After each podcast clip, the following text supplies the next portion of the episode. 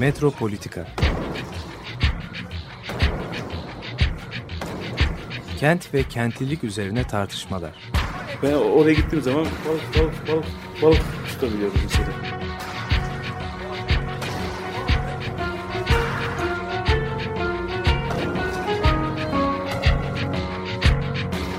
Hazırlayıp sunanlar Aysin Türkmen, Korhan Gümüş ve Murat Güvenç. Takusuyor ki. Kolay kolay boşaltamadı. Yani elektrikçiler terk etmedi Perşembe Pazarı merkezini. Merhabalar. Metropolitika şu an başlamış bulunuyor. Bugün Metropolitika'da Murat Güvenç ve ben Korhan Gümüş birlikteyiz. Gündem oldukça yüklü. E, fakat biz konuları biraz e, başka açılardan da e, tartışmaya çalışacağız. Başka konuları da gündeme getirmeye çalışacağız. İlk önce Murat, e, sen istersen bize e, bir çalışmadan söz etmiştin daha önce. Bu çalışmanın galiba sonuçları ortaya çıktı ve aslında bizim gündelik hayatımızı ilgilendirmeyen konular gibi gözüküyor bu tip çalışmalar ama belki bu bağı da kurmak açısından faydalı olabilir. Bu Giresun'da yaşanan sel felaketi, bu afetlerin sürekliliği her alanda yani doğanın aslında nesneleştirilmiş o an olan doğanın tekrar bir fail olarak hayatımıza girmesi. Bu konuda yani şey üzerine yapılan çalışmalar, tanımak üzerine, araştırmak üzerine yapılan çalışmaların aslında süreklilik taşıyan bir şeyde olması. Yani sınırsız ve şeysiz bir e, yenilik ve keşif üzerine kurulmuş olmasını gösteren aslında çok önemli örneklerden biri bu son yapmış olduğun çalışma. İstersen oradan bir evet. başlangıç yapalım.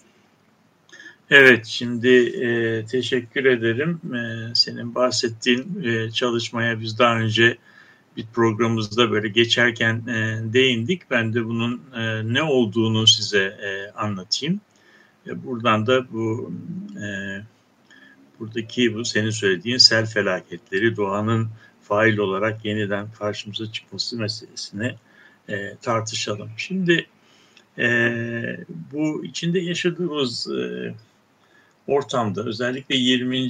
yüzyılda e, galiba insanlarla insanların çevresi arasındaki ilişki yani insanla doğa arasındaki ilişki böyle e, hiç olmadığı kadar e, hızlı ve e, kapsamlı bir biçimde e, değişti. Ne, nereden bunu e, çıkarıyoruz? Şöyle bir şey var. 20. yüzyılın başında e, şeyin dünya nüfusunun yüzde beşinden az, az azı e, şehir dediğimiz veya şehire benzeyen yerlerde, yoğunluğu yüksek yerlerde yaşıyorlardı.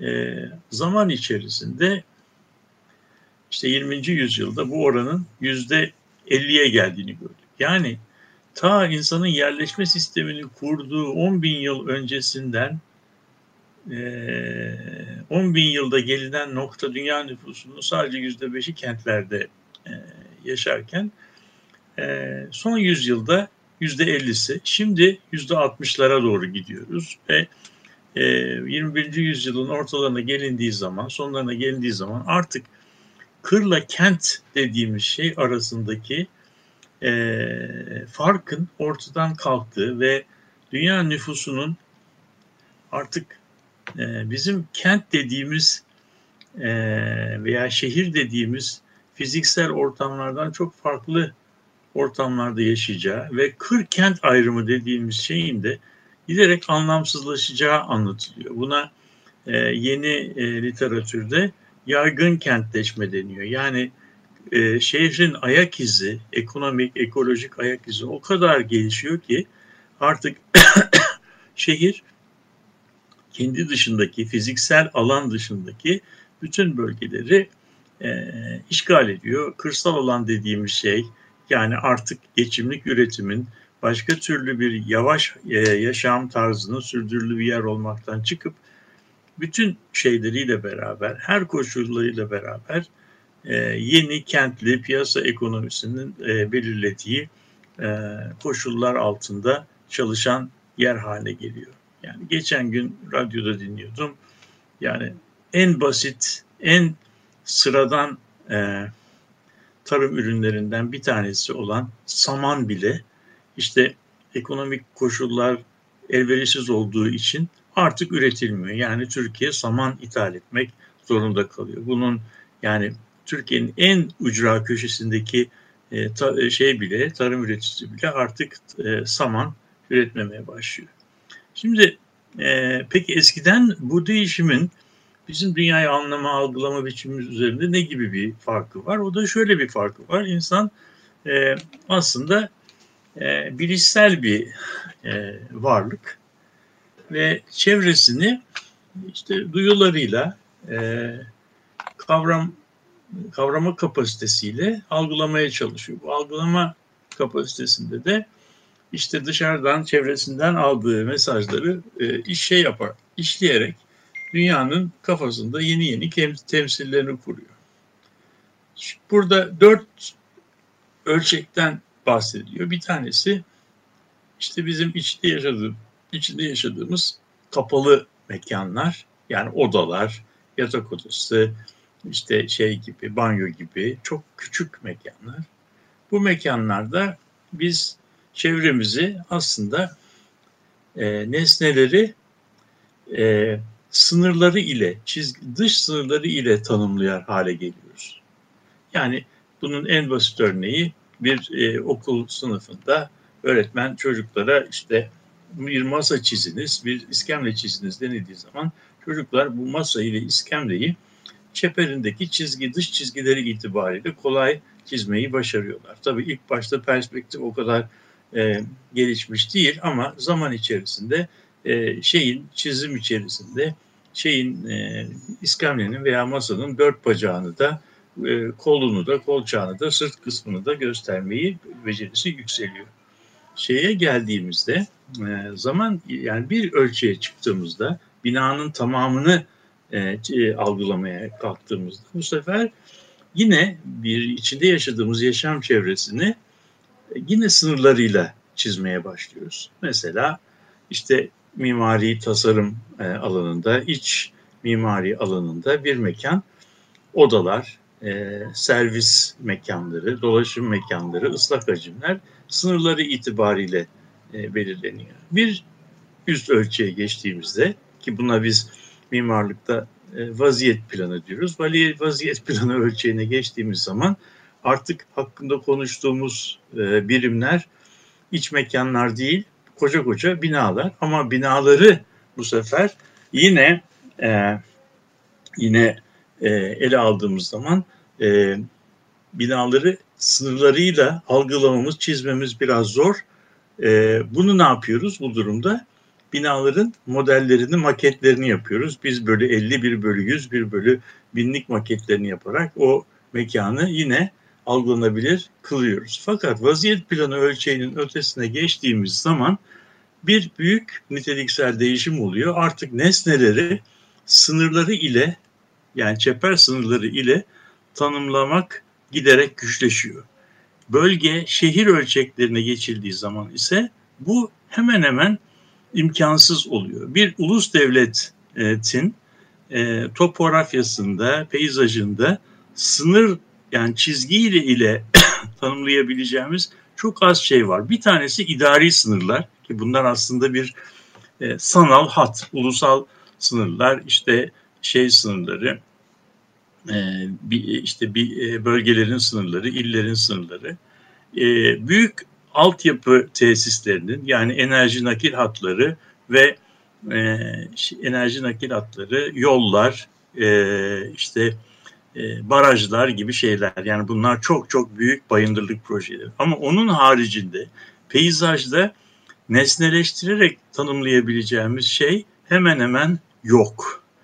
Yani bir dağ, dağı nasıl çizersiniz, nasıl tanımlarsınız dediğiniz zaman dağ aslında aynı anda hem bir rakım özelliği olan, hem bir fauna özelliği olan, hem bir flora özelliği olan, hem bir iklim özelliği olan, su özelliği olan ve aslında kendi dışındaki bütün çevreyle ilişki içerisinde ve sınırları iskemlenin sınırı gibi, masanın sınırı gibi, parselin sınırı gibi sabit olmayan zaman içinde bu ilişki sistemine göre değişen e, şeyler, varlıklar. Ve Murat bu değişim, burada e, anlamak için e, bir e, şey yapmak istiyorum, soru sormak istiyorum ya da tekrar gibi olacak. Yani insanlar gündelik hayatta karşılaştıklarında imge olarak kendi yaşam çevrelerini, masalarını, sandalyelerini temsil edebiliyorlar. Teknik Çok olarak kolay. da bunu anlıyorlar.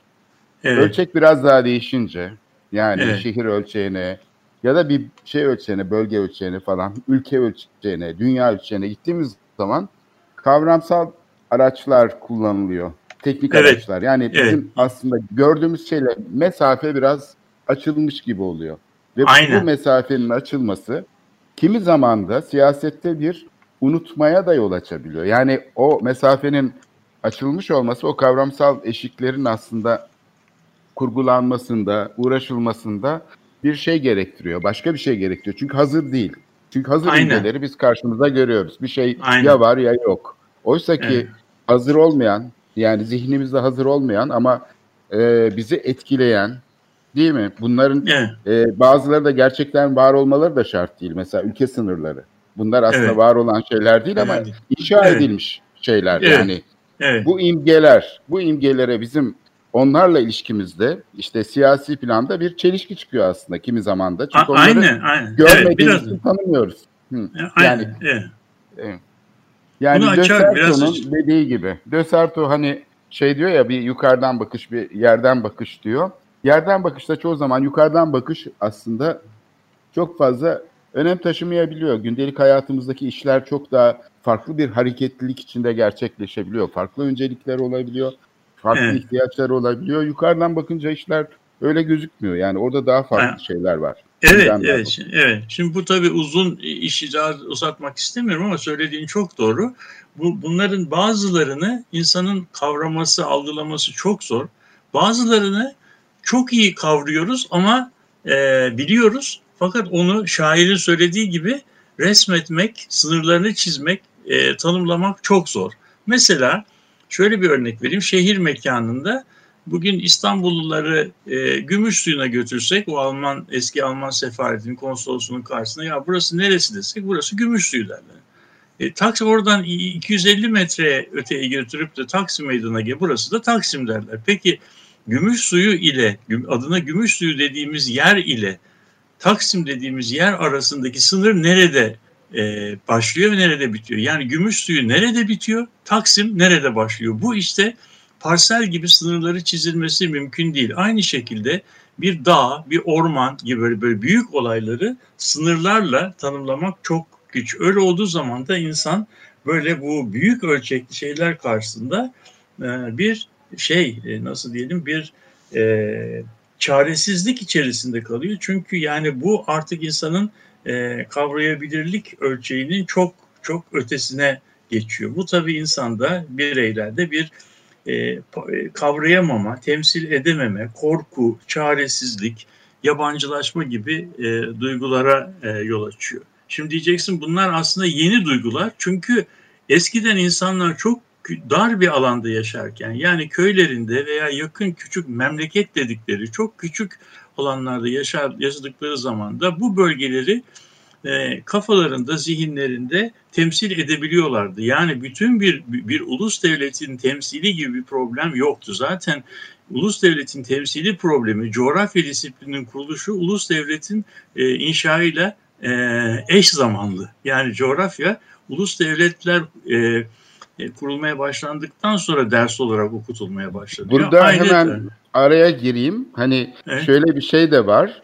Hani imgeler e, bir şeyleri resmetmekten ziyade kendilerini de resmediyordu. Yani bir evet. imge, sandalye olsun, masa olsun aslında ahşaptan yapılmış bir resim gibi kendi kendisini tekrarlayan bir düzen içinde gidiyordu. Kullanılan evet.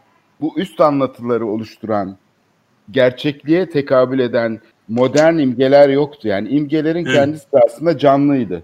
Yani evet, imgelere evet. onun için hani canlı muamelesi yapılıyordu imgelere. Yani bir de karşılığı vardı yani hemen söylenenin hemen karşılığında algılanabilir bir karşılığı var ama devlet dediğin zaman, tarih dediğin zaman yani bir bir, bir bireyin, bir ailenin e, işte yaşam e, döngüsü içerisinde hemen kolay refere edebileceği bir şey değil. Onun için derslerde ülkenin coğrafyasını öğretmek mecbur oldu, mecburiyeti oldu. Yani ulus devlet denilen bir yani algılanabilirin çok ötesinde e, bir birimi e, insanlara kavratmaya çalışmak. İşte coğrafya bu iş bu iş için ders olarak okutulmaya başlandı. Eğer e, o dersleri hatırlarsanız yani şeyde e, şeyde hocanın en büyük e, şeyi bir yerin adı geçtiği zaman sizin otomatikman o yeri e, o haritada gösterebiliyor olmanızdı. Yani coğrafya yani kavrana bir temsil üzerinden bir e, bilginin e,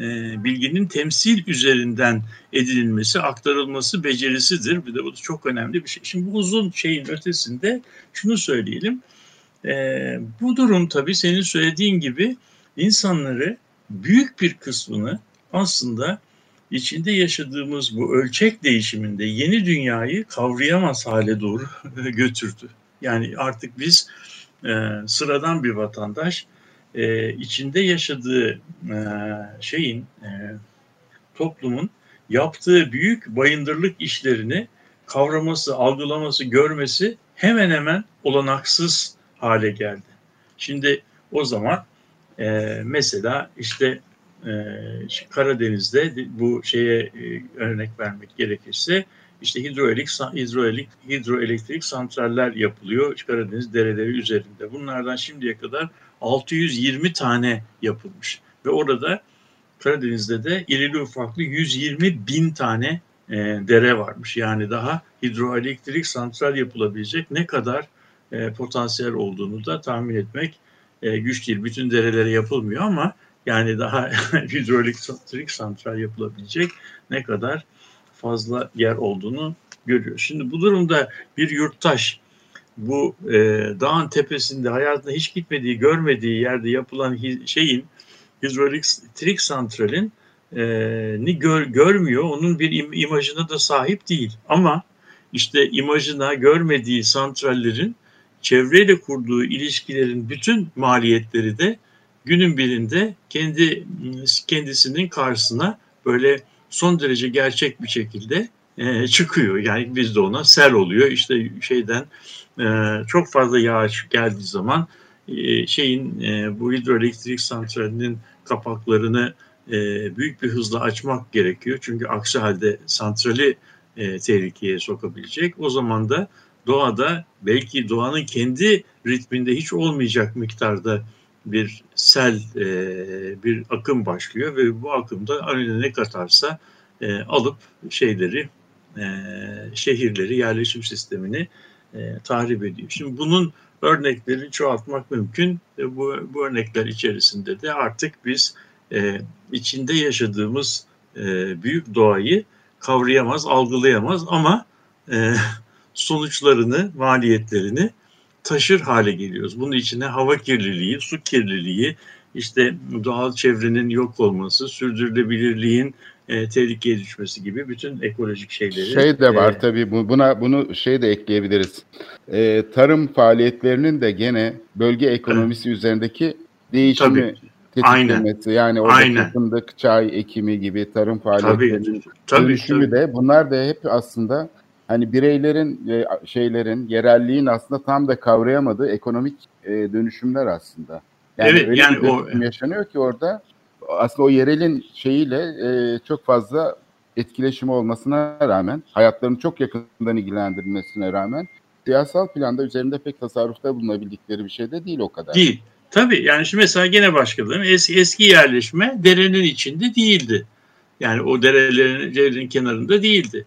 Ee, ama bunu bunu anladığı anlamamız lazım. Şimdi o derenin içinde eskiden yer yerleşilmediği zaman e, şeyin e, bir otomobil denen araç yoktu. Otomobil araç sahipliği artı şey yapıldığı zaman arttığı zaman herkes evine o araçla gitmek istiyor. O zaman dağın tepesinde yürüyerek çıkılan, merdivenlerle çıkılan evler yerine otomobilin yaklaşabildiği binalar daha rağ rağbet görmeye başlıyor. E, bu söylediği şey o kadar önemli ki bu arazi topografyasını e, şey olarak veri alan şeyin başında yol geliyor, asfalt yollar. Çünkü e, topografyada büyük değişiklikler yaratmaya kalkışınca tabii çok daha büyük sorunlar ortaya çıkıyor.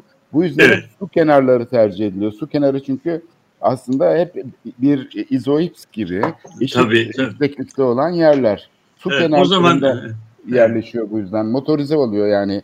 Evet. Şehirler, yerleşim alanları motorize oluyor bu sayede. Aynen. E şimdi bu, bu durumda da insanları yani geleneksel olarak tepedeki yerleşimleri hızla e, en riskli yerlere e, çekiyor ve insanlar bunu ya bu aralar böyle oluyor artık eskidenmiş o şimdi biz şeyde oturuyoruz biz vadide oturuyoruz diye vadilere iniyorlar. Vadilere indiği zaman da bu e, yağış rejimi 10 sene 20 sene bir şey yapmıyor ama 40. sene öyle bir şey yapıyor ki işte e, geçen gün yaşadığımız şey oluyor.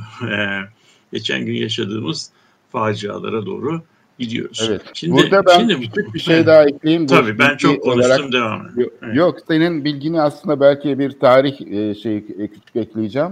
Şimdi bu dereler bölge insanına nasıl e, şey oluyordu? Hayatına eklemleniyordu. Bunu aslında araştırdığın zaman Karadeniz'de e, derelerden su alan değirmenler var. 100 yıl önce. Yakın tarihe Evet. kadar bunlar kullanılıyor. Çünkü şimdi elektrikli değirmenler var. Daha büyük ölçekli çalışıyor. Çünkü taşıma artık e, kamyonlarla yapılıyor. İşte şeyde bu tarım meto- şey de değişiyor. Ama köylerde kendisi için üretim yaptığı için insanlar yani kendi ihtiyacı olan mısırı, buğdayı, tahılı ürettiği için küçük Evet. değirmenler var. Bunlar ahşap değirmenler. Böyle sallanarak tahılı şey yapıyor ve iki taşın arasında öğütüyor. Bu suyla tahrik edilen değirmenler bunlar. 100 yıl öncesine kadar bunlar büyük ahşap ko- ko- şeyleriyle, gövdeleriyle, içi oyulmuş büyük ahşaplarla bu derelerden alınıyor bu su ve değirmeni çalıştırıyor. Sonra o ahşap e, şey man- e, bir manivela ile kaldırılıyor. Yani e, şöyle bir şey, gerekli olduğu kadar suyu alıp onun şeyini değiştirerek, yönü değiştirerek değirmeni çalıştırıyorlar. Sonra buğday veya işte mısır öğütüldükten sonra da tekrar yerine koyuyorlar. Dere böylece çok az bir suyuyla düzenli bir akışa sahipken şey için kullanılabiliyor, köyün ihtiyaçları için. Abdülhamit zamanında terzane modernleşirken bu değirmenler de modernleşiyor. Özellikle o büyük ağaçları bulmak çok zorlaşıyor. Yani büyük su kovu- kovuklarından geçirmek gerekiyor çünkü hani ne kadar da şey olsa ağacın büyüklüğü belli. Ee, aynı büyüklükte çelikten değirmenler, üre- şeyler üretiliyor. Bu su yönlendiricileri. Belki bunlara ilk HES'ler diyebiliriz. Teknoloji Evet. girmiş oluyor böylece köye. Fakat hiçbir zaman o kullanım modeli değişmiyor. Hatta değirmenin kendisi aynı kalıyor. Sadece su bağlantısını e, teknolojik olarak yenilemiş oluyorlar. Mesela böyle küçük değişimler oluyor tarih içinde. Tabii tabii. Tabii tabii. Birlikte ama böyle kökten bir değişiklik yaşanmıyor hiçbir zaman. İşte demin söylemeye çalıştığım yani bu demin senin tanımladığın şey o köyün e, kendi tahılını pa- pazarda üretmediği tahılı kendi değirmeninde üretip kendisi tüketmesine geçimlik üretim deniyor. Yani pazar için olmayan ama köyün kendi ihtiyaçları için yaptığı üretim. Bu işte tabii şeyin ürünün e, yerel olarak çok çeşitlenmesine ve standartizasyon yerine yerel farklı farklı e, ürün türlerinin bir arada bulunduğu belki de ekolojik e, biyodiversitenin yeniden üretildiği bir çerçeve gibi düşünülebilir. Ama bu artık ölçek değişimi dediğimiz şeye girip de büyük büyük alanlarda pazar için üretime başladığımızda artık böyle e, senin de söylediğin gibi e, e, o değirmen, o e, geçimlik üretim, e, piyasada satılması mümkün olmayan yerel ürünler bunların tamamı ortadan kalkıyor ve ortalıkta üç çeşit elma, iki çeşit portakal gibi yani son derece standartize olmuş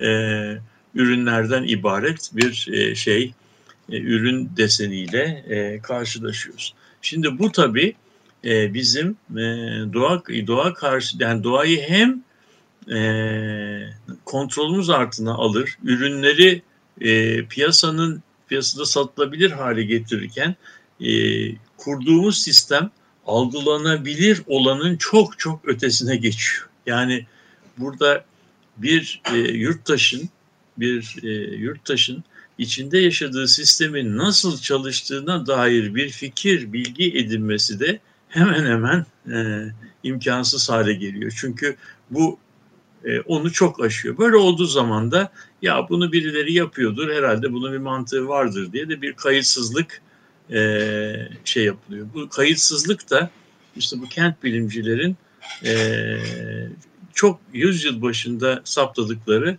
aluf dedikleri yani bilinçli bir kayıtsızlık ruh şeyini e, sağlığımızı korumak için biz bazı şeylere ilgi göstermemeyi bir öğreniyoruz. Yani bu, bu kayıtsız kalmayı öğreniyoruz. Yoksa her şeyi ilgi şey yaparsak içinde yaşadığımız sistemin gerçekten bizi çok rahatsız edici e, tarafları var. Şimdi bu e, senin bahsettiğin e, çalışmalar, yeni haritacılık falan gibi işler işte bu e, şeyin e, çağdaş insanın ve içinde yaşadığı sistemi artık algılanabilir, e, algılayamayan ve ölçek değişimi nedeniyle e, kavramsallaştırılması mümkün olmayan karmaşıklıklar içerisinde yaşaya, yaşayan bireyleri, yurttaşları bu sistemi nasıl öğrenebilirler? Onu e, bunun nasıl bilgisine sahip olabilirler? O konuda da yani başta ben e, 15-20 dakikadır anlatırken son derece karamsar bir e, tablo çizdiğimin farkındayım ama dünya o kadar da karamsar değil. Çünkü bir taraftan bunlar olurken bir taraftan da bizim dünyayı algılama, temsil etme, izleme yani monitoring e, alanında da eskiden hiç olmadığı kadar yeni teknolojiler, yeni beceriler, yeni yöntemlere sahip oluyoruz. Yani bir taraftan bu işler olurken bir taraftan da bizim dünyayı algılama e, modellerimiz, kalıplarımız büyük bir hızla e, gelişiyor. Senin bahsettiğin harita ve e, bu yeni e, yöntemler bununla ilgili e, işler. Bunu e, istersen bunu konuşmaya e, ikinci bölümde şey yapalım. Yani burada birinci bölümü bir çeşit e, karamsar giriş bir olarak, e, giriş evet. olarak şey yapalım.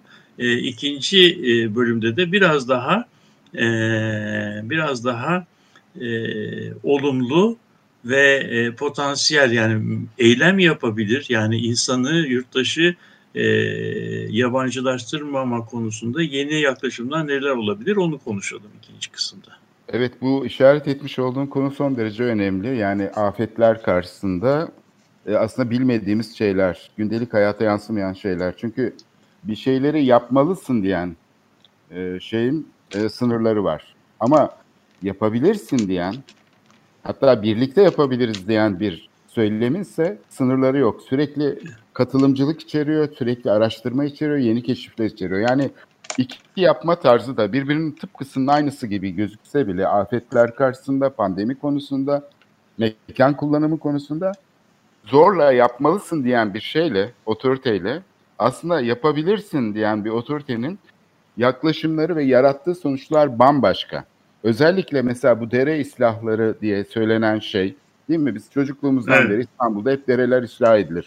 Aslında yerleşimin ıslah edilmesi lazım. Dere sanki asi çocuk onu ıslah evet. edecek. Hep sürekli böyle bir bakış vardı. E, yani Orada, bir de yaramaz yani, yaramaz bir şey yani. ıslah edilen şey ıslah evi yaramazlık veya suç işlemiş gibi bir şeydir. Halbuki derenin ne suçu olabilir onu onu e, onu şey yapalım ve ıslah ettiğimiz zaman yani o, o çözüm aslında bütün bu Karadeniz'de e, bu e, dereli denen, yağlı dere denen yerlerdeki büyük problemler hep dere islahlarından oluyor. Onu da konuşalım. Yani dere ıslah edilmemiş olsa. Asıl ıslah edilmesi gereken ne gereken o zaman? Bak başka şeyler. Evet. Biraz istersen evet, şimdi, şimdi müziği evet, dinleyelim. Evet geçelim. Müzikle geçelim. Devam edelim istersen. Evet.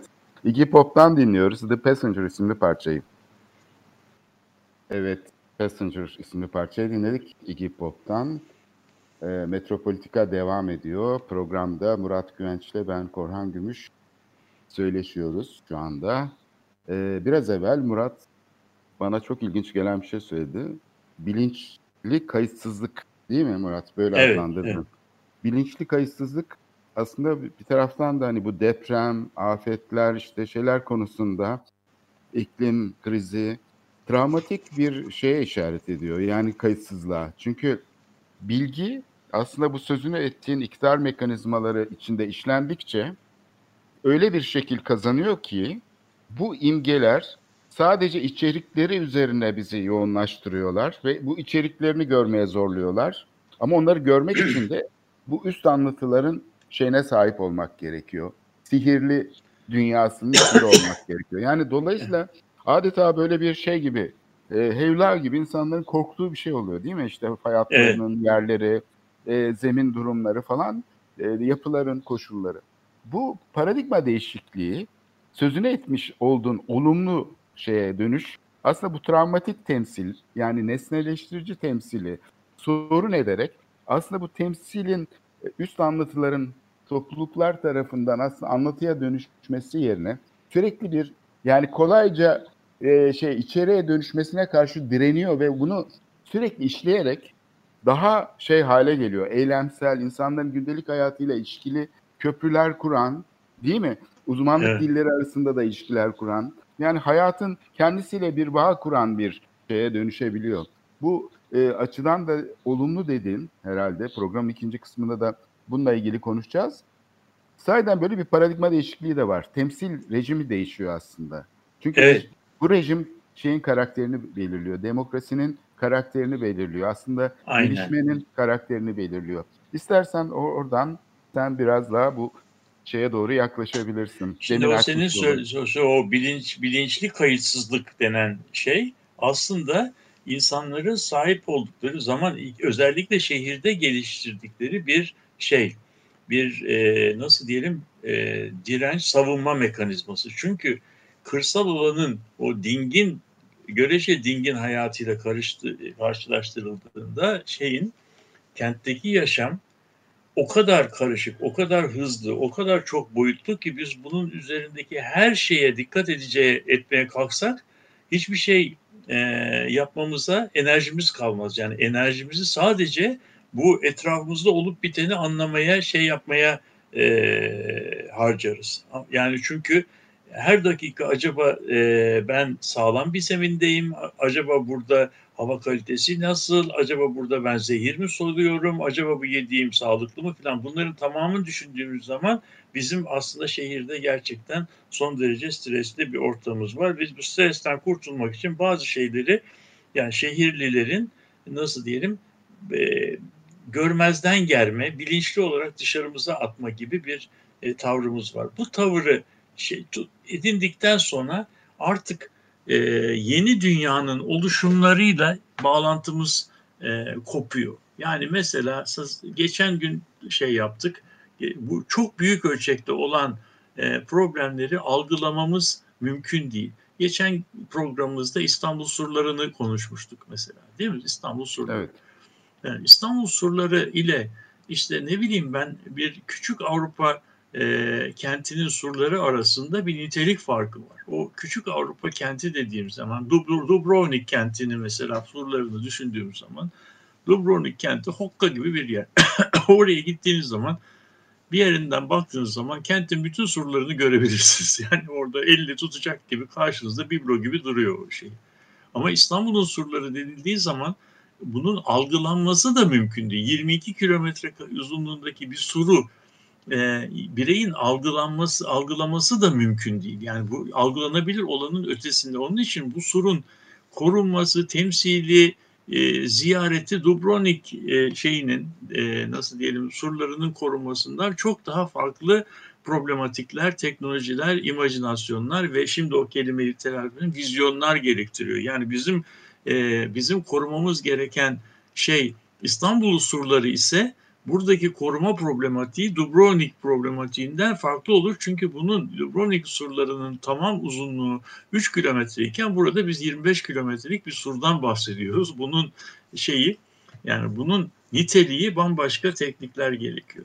Şimdi insanlar bu e, bu tabii normal olarak şehirde yaşayan bir yurttaş bu teknikleri bilmek zorunda değil, e, geliştirmek zorunda değil ama iş bu hallere geldiği zaman bunlara büyük ölçüde kayıtsız kalıyor. Kayıtsız kaldığı zaman da yönetilenle yönetilenler arasında muazzam bir eşitsizlik çıkıyor. Çünkü yönetilenler, yönetenler sahip oldukları yönetim erki ve o erkin onlara sağladıkları bilgiyle e, normal sıradan yurttaşın sahip olduğunun çok ötesinde bir vizyona sahip oluyorlar. Yani bir yönetim, devlet aklı diye bir, bir şey var. Yönetilenler ise bundan e, bundan hiç bunun hiç farkında değiller. Şimdi e, bunun örneklerini vermeye çalışacağım. Böyle özellikle bölge metropoliten ölçeğine ölçeğe çıktığı zaman yani bakanlıkların sahip oldukları vizyon ile yurttaşın sahip olduğu vizyon arasında acayip böyle çarpıcı bir eşitsizlik var. Yurttaş aslında büyük ölçüde gündelik hayatın neyin içinde yaşadığını biliyor ama bu içinde yaşadığı bütünü hiçbir zaman algılayamıyor. Bugün mesela İstanbul metropoliten alanı dediğimiz şey 11 ili kapsayan ve şeyin yani Avrupa'daki Hollanda ve Belçika'nın toplam yüz ölçümü kadar büyük, üzerinde 20-24 milyon kişinin yaşadığı ve e, içinde ormanlar, sanayiler, limanlar olan muazzam bir bütün ama bunun bunun resmini yapma kapasitesinden, e, temsilini yapma kapasitesinden yurttaşlar, onun içinde yaşayanlar şey değiller yani sahip değiller. Şimdi bu durumda ama e, bu konuda işte demin umutsuz dediğim, e, umutsuz olmamamız gereken dediğim şey bu konuda inanılmaz gelişmeler de var. Mesela e, Avrupa e, Avrupa Çevre Ajansı diye bir kurum var. Türkiye'de bunun şeyi, bunun bunun e, üyesi ve bu ajans bütün Avrupa'daki bütün yerleşim sisteminin her beş yılda bir parsel düzeyine değil de ada düzeyine gelene kadar ayrıntıda uydu resimlerinden çok yüksek çözünürlükte haritalarını çıkarıyor ve bu haritaları kullanarak biz aslında algılayamayacağımız çok büyük alanların e, bilgisine e, bila ücret, ücret ödemeden açık kaynak üzerinden erişebiliyoruz. Bu, bu bilgiler eğer işlenir ise, işleyebilir isek bu bilgilerden hareketle yani kendi duyularımızla algılayamadığımız büyüklükteki yeni oluşumların bilgisine sahip olabiliriz. Bu neye e, imkan verir? Bu işte bizim içinde yaşadığımız e, devasa büyüklükler hakkında bir fikir sahibi olmamız ve bu fikir sahibi olduk onları kavramamız, anlamamız ve o konularda bazı öneriler e, geliştirmemize şey olabilir. E, nasıl diyelim? E, ön ayak e, verebilir, imkan verebilir. Şimdi şeyimizde yani bir taraftan benim söylediğim insanı yabancılaştıran ve de sav e, ve giderek e, içinde yaşadığı çevreden e, çevreyle ilgilenmemeyi daha çıkarına uygun hale getiren bir süreç yaşanırken ki biz buna yeni ölçeklerin kurulması diyoruz. Aynı zamanda yeni teknolojiler eskiden hiç olmadığı kadar bu ölçekler hakkında bilgiler sağlıyor ve biz bu bilgileri kullanırsak o zaman içinde yaşadığımız büyük metropoller, büyük metropoliten alanlar, kentsel bölgeler hakkında e, bir takım görüşler, fikirler, algılara sahip olabiliyoruz. Buradan da istersen son 10 dakikada bu vizyon meselesine gelelim. Yani şehir şehir metropoliten hakkındaki vizyon bir süpermenin, bir de bir böyle dahinin bu şehir şöyle gelişsin diye verdiği bir şey değil. Çünkü o dahinin veya o süpermenin bunu yapabilmesi için onu kavrayabilmesi lazım. Bu kavrama işini akademiyanın, sivil toplumun, en, e, entelektüel e, camianın bu kavrama işi üzerine ciddiye alıp içinde yaşadığımız bütünler, mekansal oluşumlar hakkında fikir geliştirmesi, bilgi üretmesi gerekiyor diye düşünüyorum.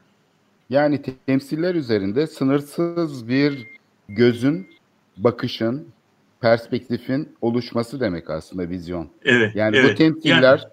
bunlar kendi başına anlam, içerik konusunda bizi zorla bir yere götürmüyor. Aslında biz o temsilleri anlamlandırarak yani temsili de yaşatmak gerekiyor. Temsilin içeriğini biz yaşayan bir şey olarak kavruyoruz ama temsilin kendisi cansız. Oysa ki temsilin kendisi de canlı olabilir. O da aktif bir şekilde bu hayata katılabilir. Yani senin söylediğin paradigma değişikliği aslında temsilin canlılık kazanması. Çünkü biz hep yani nesneleştirici özcü yaklaşımlar nesneyi öne çıkarıyor değil mi? Hep nesne evet, yani evet. o gerçektir, kapalı uçludur. İşte bize zorla sopayla onu dayatırlar. Öyle değil. Evet. Buna karşı yani De Serto diyor ki insanlar kurnazlıklar buluyor. Bu sefer hileler yapmaya başlıyor. Onu kayıt, kayıt dışına itmek için değil mi? Ee, evet. Şey de böyle söylüyor aslında Döloz'un da Gilles Döloz'un hani kekemelikler dediği biraz Gayatri Spivak andırıyor buradaki söyledikleri. Yani dilin e, şey yapamadığı yani konuşamadığı, mağdurun konuşamadığı yerde aslında gene de onu sessizliklerle aslında o söylemi şey yapıyor. Kendisi bir şekilde manipüle ediyor. Yani bir karşı söylem haline getiriyor. O söze evet. katkıda bulunamasa bile onu ignore ederek, onu inkar ederek bunu şey yapıyor mesela. İşte bu evet. söylediğim şey bu vizyonu tekrar demokratikleştirecek. Yani o yukarıdan inşa edilen gözle değil, herkesin gözünü bunun içine katabilecek bir yeni yaklaşımdan söz ediyorsun. Evet, Değil mi? evet onu evet onu burada yani yeni teknoloji yani teknolojiyi e, böyle yüceltmeden ama teknolojinin imkanlarını da göz ardı etmeden e, içinde bulunduğumuz ortamı yeni baştan e, düşünmeye böyle e, yeni bakış açıları geliştirmeye imkan var, e, gerek var e, ve bu işte eğer bu yeni bakış açıları meselesini ciddiye alırsak o zaman şu mümkün olabiliyor. E, eskide yap, eskiden yapamadığımız, şimdi yapabildiğimiz bir iki tane şey söyleyeyim. Mesela e, şimdi e, uydudan gelen resimlerle veya cep telefonu e, servis sağlayıcılarının tuttukları kayıtlar üzerinden bir şehirdeki e, akım ilişkilerini bundan 20 sene önce, 30 sene önce hiç hayal bile edemediğimiz hassasiyette izlemek mümkün olabiliyor. An be an kimin nereden nereye geldiğini, bir şehrin nasıl çalıştığını sadece cep telefonu kayıtları üzerinden izleyebiliriz. Eskiden 1970 yılında böyle bir şeyi tahayyül etmek bile imkansız idi. Ee, aynı şekilde eskiden 1970'lerde acaba göçler nereden nereye insanlar gitmiş sorusunu cevaplamak için önce sayım yapmak, sonra da sayımda yapılan bilgiler üzerinde 3 yıl çalışmak gerekiyordu. Yani e, biz göç bilgisine sahip olduğumuz zaman ancak 8 yıl önceki göçleri e, göçlerin bilgisine sahip olabiliyorduk. Bugün içinde geldiğimiz sistemde hareketliliği teorik olarak an be an izleyebiliriz. Bugün Ankara'da bilgisayarda e, şey, işte bu adrese dayalı nüfus kayıt sistemi e, diye bir sistem var. Bize son bir ayda, son bir haftada, son 15 günde kimin nereden taşınıp nereye yerleştiğini en ince ayrıntısına e, dek verebilecek bir kayıt sistemine sahip. Harita üretimi konusunda eskiden analog haritalar üretiyorduk. Analog harita üretmek demek de bir haritanın üretmesi için 10 yıl çalışılması, onun üzerindeki en ince ayrıntının e, hesaplanması, sonra bunun bir şeye nasıl diyelim bir e, klişeye alınması, renklendirilmesi, üzerine isimlerin yazılması ve bunların da basılması gerekiyor. Bu o kadar uzun ve zahmetli bir işti ki bu ancak askeri e, bütçelerle gerçekleştirilebilen bir işti. Bugün artık harita üretimi dediğimiz şey e, herhangi bir bilgisayara sahip çok küçük bilgisayarlarla yapılabilir hale geldi. O zaman şeyin yani büyük e, yönetilenin, yöneticinin elindeki temsil aracının sivil topluma yaygınlaşması konusunda inanılmaz bir şeyimiz var. E, potansiyelimiz var. Bu potansiyeli kullanabilirsek o zaman bu şeyin edilgen yurttaşlıktan e, aktif yurttaşlığa geçişte yani sadece suskunluk, sadece e, şey nasıl diyelim inkar, e, dolu, dolu, inkar e, sadece işte e, küçük taktikler veya şeyin yanı sıra Kurnazlıklar. kur, kurnazlıkların yanı sıra bu sefer olumlu, pozitif, proaktif pozisyonlar da alabiliriz. İşte vizyon denilen şey, vizyon geliştirme denilen şey de bence e, şeyin vizyonu böyle şey yapmadan e, e, kutsal bir hale getirmeden yani bir çeşit e, nasıl dokunulmaz bir hale getirmeden vizyonun toplumsal olarak üretildiğini, toplumsal bilgi üzerinden e, üretildiğini, bir toplam, toplumsal uzlaşıyı yansıttığını, yansıtması gerektiğini e, dikkate alarak bu, bu konuda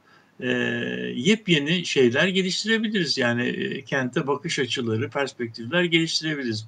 Onun şeyin konuşmanın başında senin e, işaret ettiğin bizim işte Sparta Üniversitesi ile yapmakta olduğumuz e, harita Türkiye ekolojik haritası da böyle bir çabanın şeyi. Yani bu bir resmi bir şey değil ama yeni teknolojilerle biz artık e, yani eskiden e, kamu kaynaklarıyla yıllarca e, zaman harcanarak onlarca insan, insanın seferber edilmesi konusunda seferberliği sonunda elde edilen resimleri, haritaları, temsilleri işte çok küçük gruplarla elde edebiliyoruz. Bu bizim yani göz ardı edemeyeceğimiz bir potansiyel ve bunu bunu bunu değerlendirmemiz gerekir diye düşünüyorum. Evet ben de anladığımı e, bir daha tekrarlamak istiyorum. Ya, hani tabii, bu temsiller gizliydi geçmişte değil mi? Evet Gizli bir de çok dev, devlet devlet şeyindeydi yani. Askeri şeyler haritaları ben hatırlıyorum. Yani o mekanla ilgili ayrıntılı bilgileri alabileceğin haritalar gizliydi. Bunlar ortalıkta dolaşmazdı, yasaktı yani. Tabii. Şeyden tabii. çıkamazdı. Askeri birlikten dışarı da çıkarılamazdı falan. Tabii, Bu haritaları tabii. hazırlayanlar da ne isterdi? İtaat isterdi.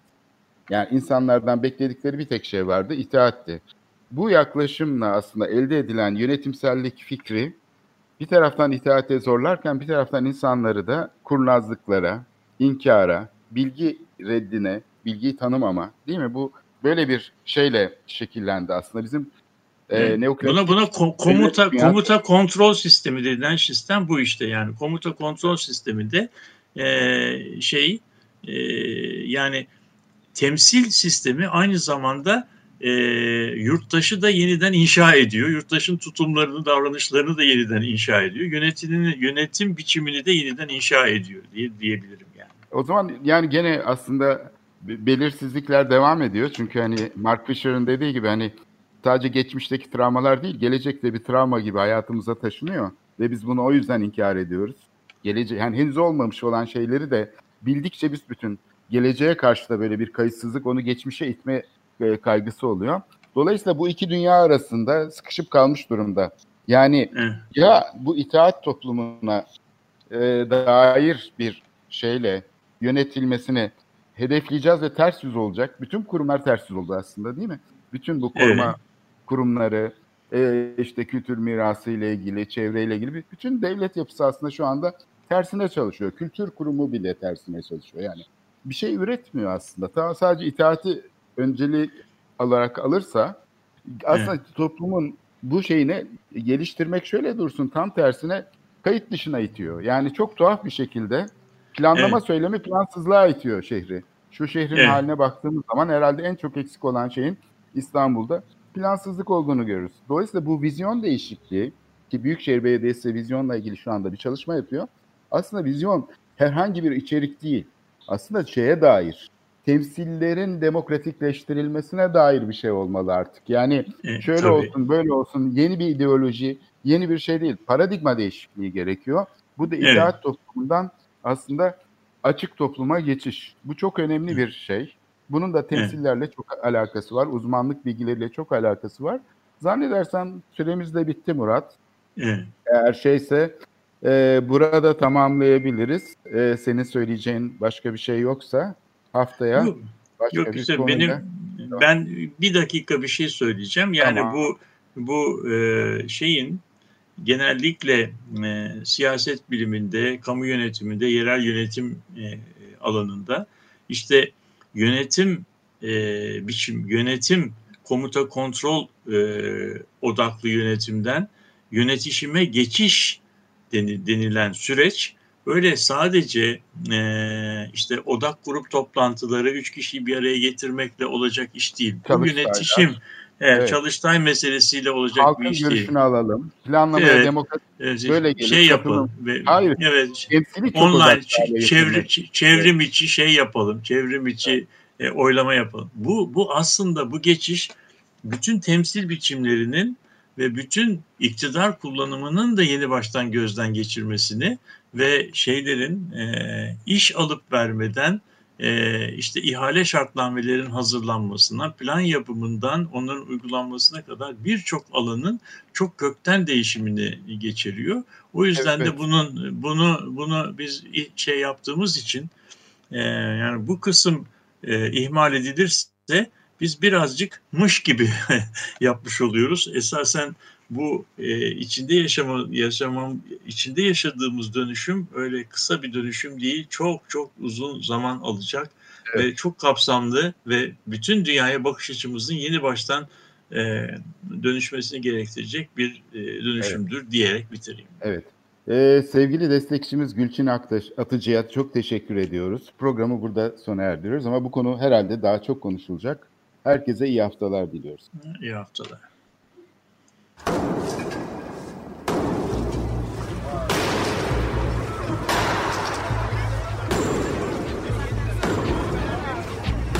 Metropolitika Kent ve kentlilik üzerine tartışmalar. Ben oraya gittiğim zaman balık balık balık balık tutabiliyordum mesela.